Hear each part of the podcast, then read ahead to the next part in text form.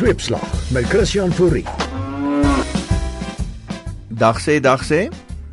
Die hoofsweep van die SABC, Claudie Motsoeneng, het gepraat. For us, it is important to portray the country in a positive way. Have you ever seen positive stories leading the headlines? You can't see them. If you look at the um, tertiary level, is where they poison the mindset of young oh people. God. I mean, if you take anyone from tertiary level, they come, they are excited, new, energetic. You ask them, can you come with a very uh, uh, good story? You know what will be a good story? Corruption. that is a, any journalist. When you talk about a good story, it's corruption for them. We need to change the mindset of journalists. Nou af 70% sonskyn nuus met 30% van die nuus partly cloudy. Die hoofsweep sê ook die grootste probleem is dat sommige joernaliste opinies het. He has his own views, which is a problem. Dit is onduidelik of die uitlating net 'n opinie of 'n feit is. In elk geval, die sweep het geklap, so die week het ons net goeie nuus. Die sweep het geklap en die wawiele draai al agter die rooi span aan. Hier gaan ons. 19 van Prasa se pragtige Afro 4000 lokomotiewe, die trots van ons land, is besig met toetslopies voordat op ons spoorlyne ontplooi word. Nog net een het omgeval.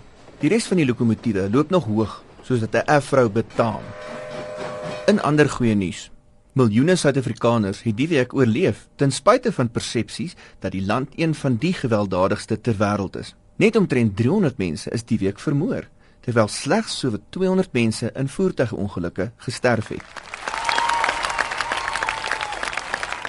Dan, data wat die Wêreldbank die week bekend gestel het, dui daarop dat die afgelope 15 jaar meer as 2,5 miljoen nuwe werksgeleenthede in Suid-Afrika geskep is.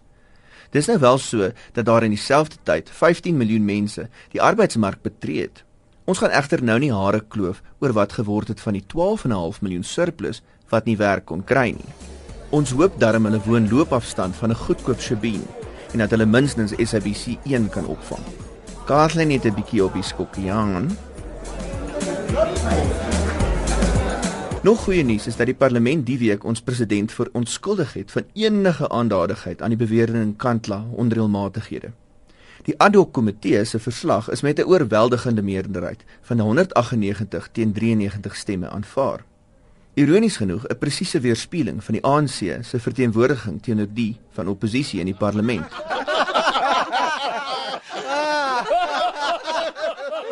'n Bewys dat demokrasie weer eens geseëvier het. Maar nou die beste nuus van die week. Volgens die profeet Reverend Efrain Rodriguez gaan die wêreld oor 'n maand eindig. Volgens hom gaan 'n enorme ronde ding uit die buitenste ruim die aarde laat September tref en 'n Arnold Schwarzenegger movie se einde so rustig laat lyk soos 'n Enya konsert. Nou, ons weet dat daar in die verlede verskeie einde van die wêreld voorspellings was wat nie waar geword het nie. Maar dis nie te sê mens moet moed verloor nie. 9/11 het immers in September gebeur.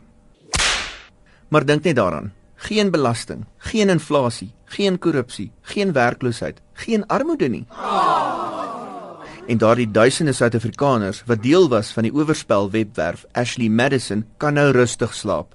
Want alhoewel hulle bankbesonderhede en so aan die week gepubliseer is, maak dit regtig nie meer saak nie, tensy jy jou lewensmaat per ongeluk aan die ander kant raakloop. Onthou, 70% positief hierdie naweek en sommer vir die res van ons kort lewens. Dis net tot die einde September. Mense wonder net waaroor mense gaan kla wanneer hulle in die hiernamaals braai. if we accept the word forever. Maybe we should live together and not be scared to watch the late night news.